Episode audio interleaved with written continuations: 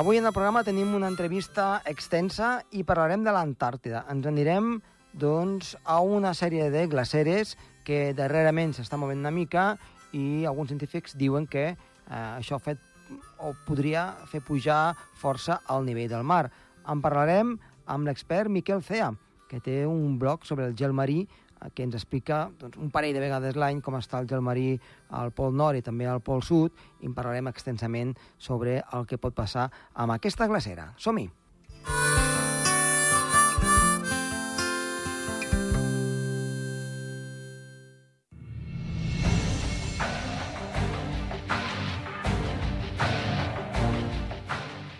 L'entrevista d'avui tenim a Miquel Cea, ell ens parla moltes vegades del gel marí, tant de l'Àrtic, també de l'Antàrtic, de com evoluciona doncs, el gel marí al llarg de l'estiu, al llarg de l'hivern, però avui doncs, el tenim també amb nosaltres perquè ens... volem que ens parli d'una notícia que ha sortit fa poc sobre una glacera que està a l'Antàrtida, que es diu la glacera del fi del món, i que s'anomena Waits.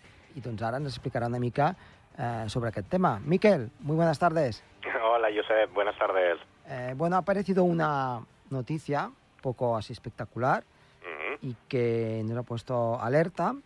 Y no sabemos si es un poco sobrevenida esta noticia o qué es lo que le pasa, pero eh, habla sobre un glaciar que está, en este caso, en la Antártida, que si llega a romperse o llega a deshacerse, la parte que está un poco más afectada, pues podría subir mucho el nivel del mar. Entonces, nos gustaría que tú como experto en hielo marino y un poco doncs, eh, haciendo referencia a lo que ha sido la Antártida, que muchas veces nos has explicado pues temas sobre este continente, mm, nos dieran un poco de apuntes sobre si esto es verdad o no es verdad y sobre qué habla la noticia. Ajá, sí. Bien, vamos a ver. Lo que ha ocurrido recientemente, bueno, mm, por situarnos, ¿eh? este glaciar, lo que es su, su plataforma de hielo flotante, porque es un glaciar que, que termina en el mar, digamos, termina en una plataforma de hielo que, que flota ya sobre el agua, eh, lleva retrocediendo unos 20 años por lo menos. Eh, se sitúa en la zona de- del mar de Amundsen, que sería pues de la península antártica, debajo de la península antártica, hacia el sector Pacífico, hacia el sector del océano Pacífico.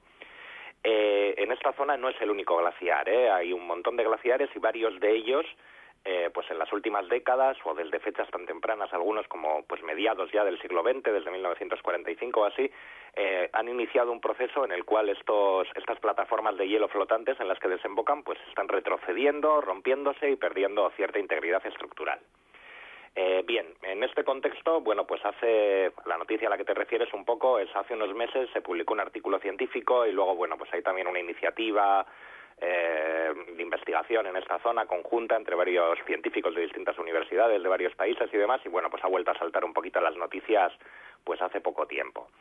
Eh, este artículo publicado hace unos meses lo que dice es que bueno, eh, que observando pues la evolución, digamos, eh, tanto con imágenes de satélite como con algunas observaciones in situ y demás de, esta plataforma de hielo en la que termina el glaciar, pues se observaría que está en un proceso, digamos, de desintegración y, y que ellos estiman, teniendo en cuenta toda esa evidencia, que de aquí a cinco, en un periodo de entre unos 5 a 20 años aproximadamente, que esa plataforma de hielo en la que desemboca el glaciar Twice, eh, pues podría desintegrarse por completo o prácticamente, y eso supondría, eh, vamos a ver, este es el primer salto, ¿no? O sea, quiero decir, primera afirmación es, bueno, pues eso, en función del aspecto que tiene y demás, parece que podría en un plazo de pocos años o un par de décadas terminar de desintegrarse esa plataforma de hielo que ya lleva un tiempo en retroceso. Eh, lo que ocurre con esta plataforma de hielo también es que, bueno, actualmente eh, ofrece cierto sustento al glaciar, le proporciona estabilidad eh, hasta cierto punto en su frente, digamos, porque, bueno, está flotando en el agua, pero más allá de donde empieza a flotar, llega hasta un punto en el cual, bueno, pues en el lecho marino hay, pues, eh, digamos, una, una cresta, vamos a llamarle así, una acumulación de arena, roca, etcétera, que, está pues casi prácticamente al nivel del mar y que le proporciona un punto de apoyo a esa plataforma y digamos que tiende a estabilizarla en ese punto. Eh, al desintegrarse la plataforma perdería ese punto de apoyo y lo que viene aquí, lo siguiente que dice la noticia que podría ocurrir, es que esto provocaría eh, pues una aceleración en la descarga de hielo hacia el océano de, este glaciar. del glaciar Thwaites. Para, recuperar un poco... Sí, dime, dime. Para recuperar un poco otra vez esta plataforma. ¿No? Claro. Mm, vamos a ver. Mm, en principio, lo normal, con un glaciar que desemboca en el mar, efectivamente, si la plataforma de hielo se rompe, mientras haya suficiente aporte de hielo desde el glaciar, esa plataforma volvería a formarse. No supondría un mayor problema, es algo, es un proceso relativamente normal, el de avance de la plataforma de hielo, ruptura de, en icebergs, y luego reavance, siempre y cuando el glaciar esté en balance, digamos, en cuanto a, en balance o ganando masa en cuanto a lo, que es el balance de, masa superficial, el derivado de precipitación menos deshielo, digamos, que sí que es el caso. Pero lo que ocurre un poco en toda esta zona de la Antártida, eh, en esa zona del mar de Amundsen y, la mayor parte de la Antártida occidental, es que bueno todo el casquete de hielo que está allí en realidad está apoyado en, en roca que está bastante por debajo del nivel del mar. ¿Qué supone esto? Eh, claro, ofrece un problema para avanzar a la plataforma porque se supone que al deshacerse de estos puntos de apoyo en los que se encuentra actualmente, eh, pues el agua, digamos, del mar va a poder penetrar por debajo del glaciar pues con mucha más intensidad y de hasta unos lugares mucho más profundos que en la actualidad.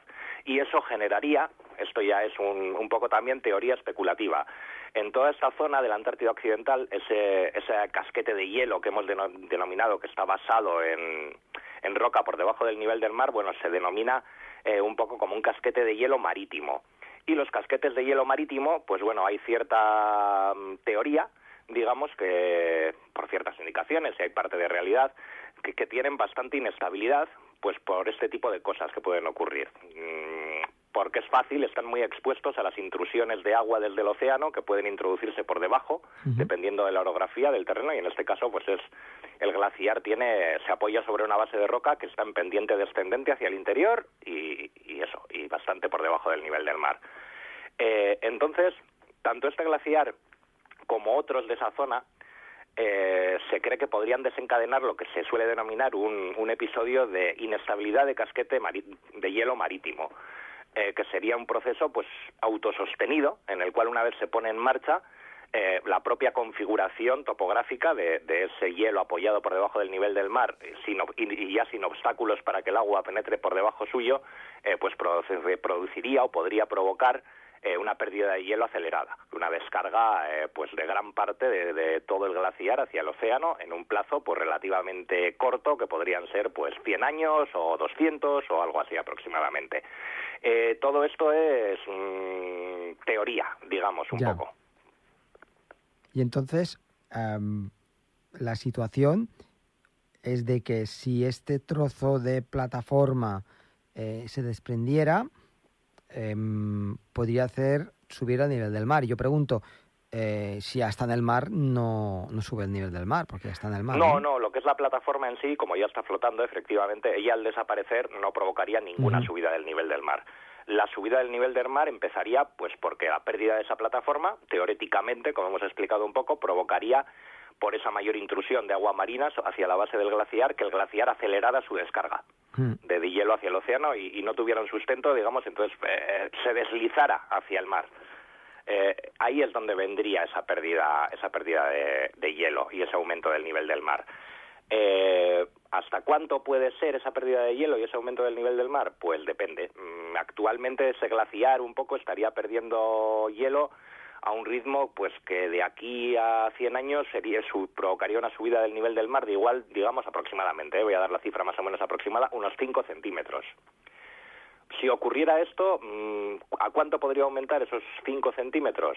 Pues no lo sabemos tampoco exactamente porque el mecanismo es desconocido. Lo que nos indicaban un poco los algunos de los autores de este artículo que se publicó recientemente es que bueno que todo el glaciar, en caso de que todo el glaciar entero eh, desapareciera en el océano, vamos a decir, eso podría provocar una subida del nivel del mar de hasta 60 centímetros.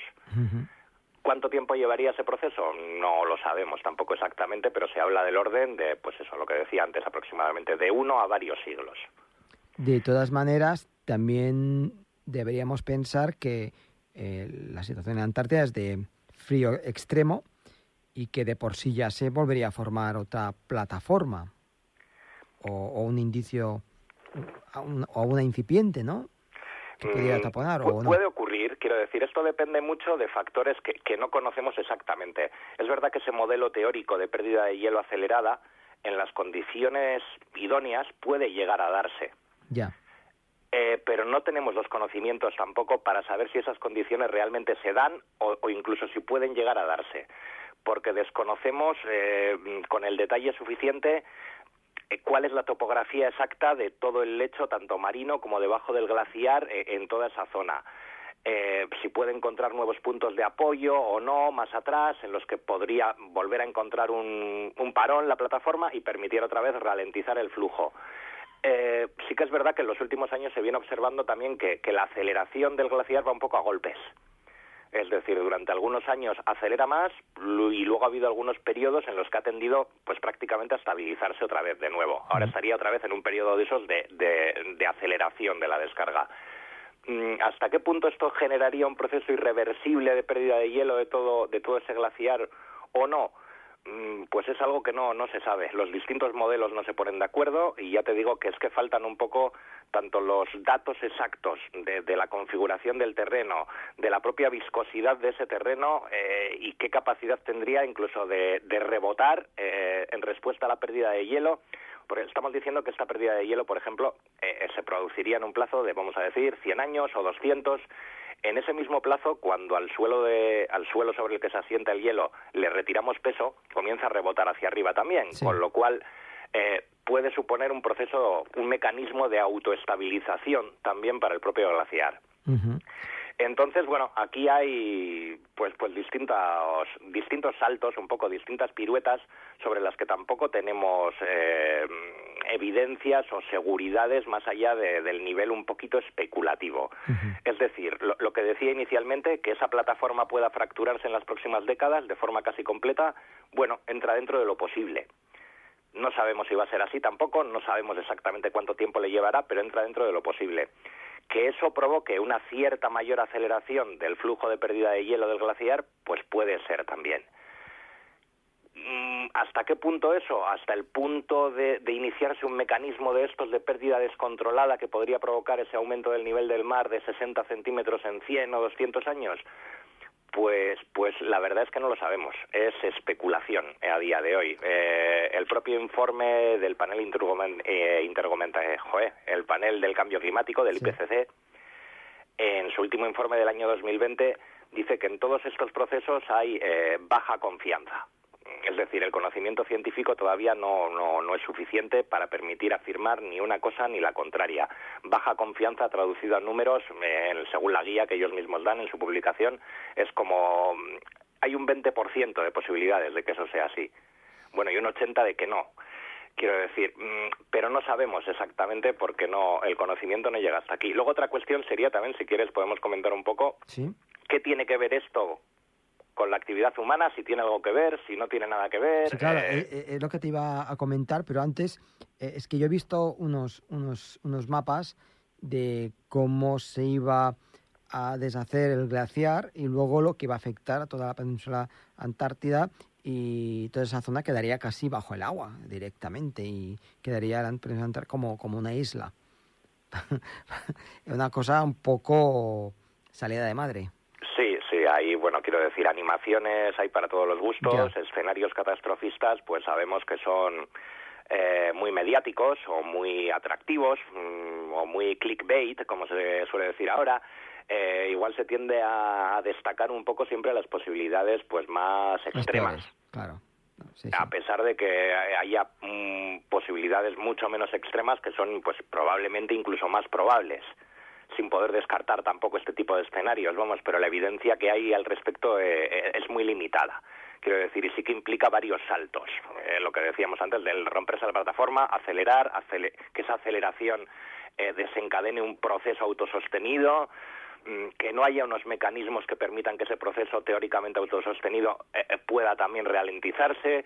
Eh, hay muchas piruetas mm, para cada una de las cuales mm, pues desconocemos realmente cuáles son las posibilidades reales de que eso ocurra o, o de que realmente no, no llegue a hacerlo. vamos. Eh, bueno, y ahora la pregunta, claro, del millón es que em, nosotros tenemos alguna incidencia sobre lo que pudiera ocurrir ahí.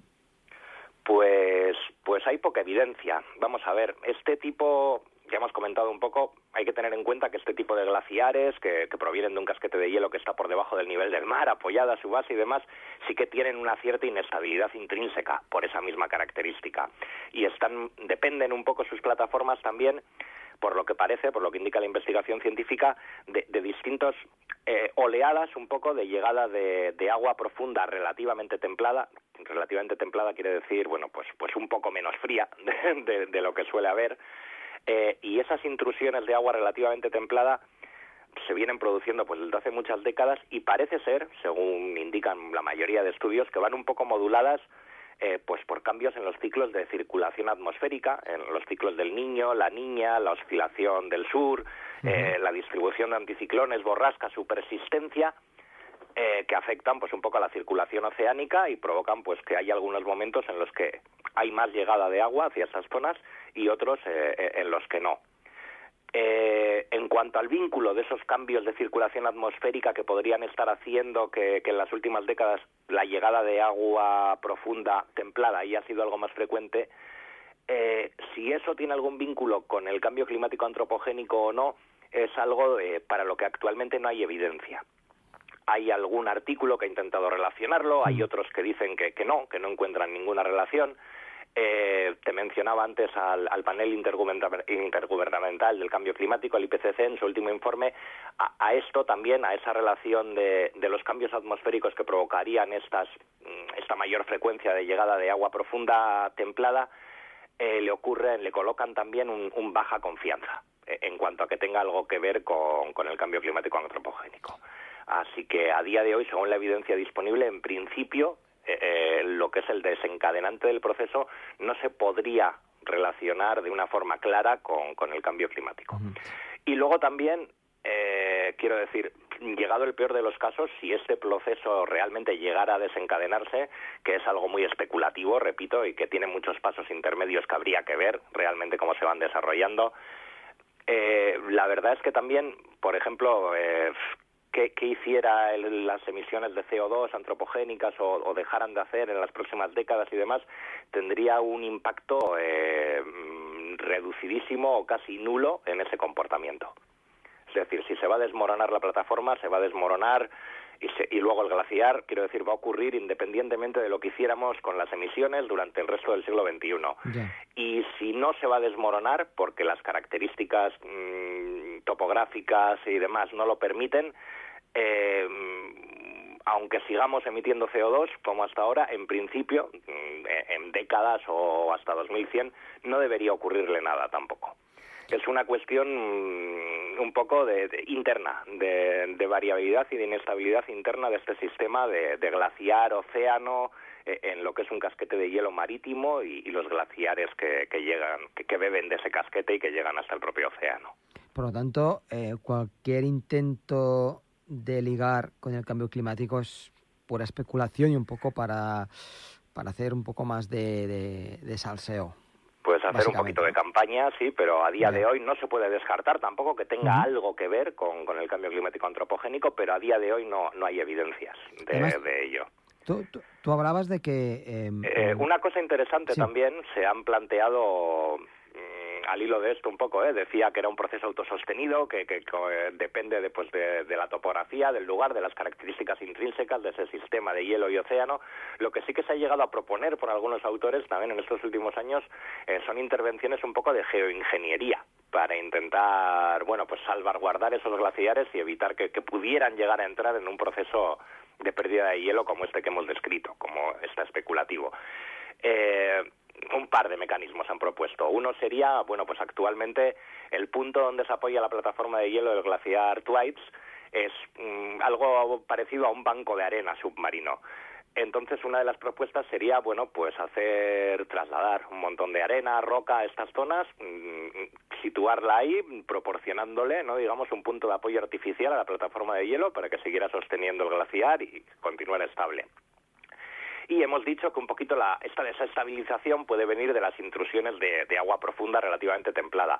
Otra de las intervenciones de geoingeniería que, se han planteado por algunos investigadores es instalar unas, unas especies de, cortinas submarinas con, determinados materiales que harían que, según llegase agua circumpolar, digamos, al tocar las cortinas, las conduciría hacia afuera de, la bahía, hacia afuera de, de las inmediaciones de la plataforma de hielo, dejándola también así, pues, pues a salvo de esas intrusiones.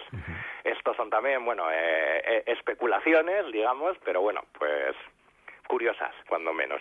Eh, habías hablado una vez en la Antártida también del tema del vulcanismo. No sé si aquí podría vamos a ver, debajo de esta zona sí que es cierto eh, que eso sí que es cierto, bueno, que hay bastante actividad eh, geotérmica y demás, y, puede estar llegando también ciertas cantidades de calor desde, desde la superficie terrestre, pues por esa actividad volcánica, geotérmica, etcétera. Eh, hay ciertas evidencias de que, de que hay en esa zona y de que hay bastante. Ahora bien, que eso esté afectando a, a las plataformas de hielo, a los glaciares, pues a día de hoy tampoco hay evidencias concretas de ello es, bueno, otra posibilidad, eh, otra especulación un poco. Pues eh, ya para terminar, ¿eh? aprovechando que estamos hablando, eh, nos queda nada, un minuto y medio aproximadamente. Em, ¿Cómo tenemos en el Ártico el invierno? Sabiendo que en, en mes de abril volveremos a hablar para, ver cómo ha ido, pero ¿cómo, ¿cómo, está evolucionando este, este invierno? Sí, bueno, a nivel de banquisa, un poco sobre todo, que es lo que solemos comentar. ¿Sí? Eh, pues de momento está siendo un invierno relativamente bueno en el contexto de, las últimas dos décadas. Eh, el hielo, bueno, la recongelación otoñal fue bastante rápida. En el paso del noreste, por ejemplo, que solemos hablar ahí por la costa de Rusia y Siberia para pasar hacia el Pacífico, eh, pues en octubre y noviembre ha habido bastantes barcos que, que un poco sorprendidos por esa recongelación otoñal más potente de, de lo que era habitual en los últimos años, pues se han quedado atrapados en el hielo tanto algunos que llevaban pues suministros a los distintos puertos de la zona como, como algún tanquero gasístico también que, estaba haciendo el tránsito. Y bueno algunos han estado pues incluso semanas esperando a que llegaran los rompehielos eh, rusos para bueno ir abriéndoles camino e ir sacándoles de allí. En este momento la extensión también pues bueno ha seguido avanzando bastante bien. Y, y ya te digo que bueno que estaría pues eh, eh, en el contexto de las dos últimas décadas bastante bien en la parte alta. Eh, ahora bien, bueno, todavía quedan pues aproximadamente tres meses hasta alcanzar el máximo. El máximo también depende mucho de lo que terminen haciendo zonas periféricas como el mar de Bering, la zona de Labrador y Terranova, etcétera. Entonces, bueno, ¿cuál será el máximo exactamente? Pues aún es pronto para aventurarlo, pero de momento el comportamiento está siendo relativamente bueno en el contexto actual. Pues Miquel, muchísimas gracias. Hemos quedado pues bien informados sobre eh, lo que ha sido de momento este glaciar de la Antártida, que no nos hemos de asustar y hemos de ir paso a paso viendo un poco su evolución y siempre desde el método científico, que es el que al final nos da la solución y es el que muestra la realidad. Eh, Miquel, muchas gracias, hasta la próxima. Hasta la próxima, un saludo.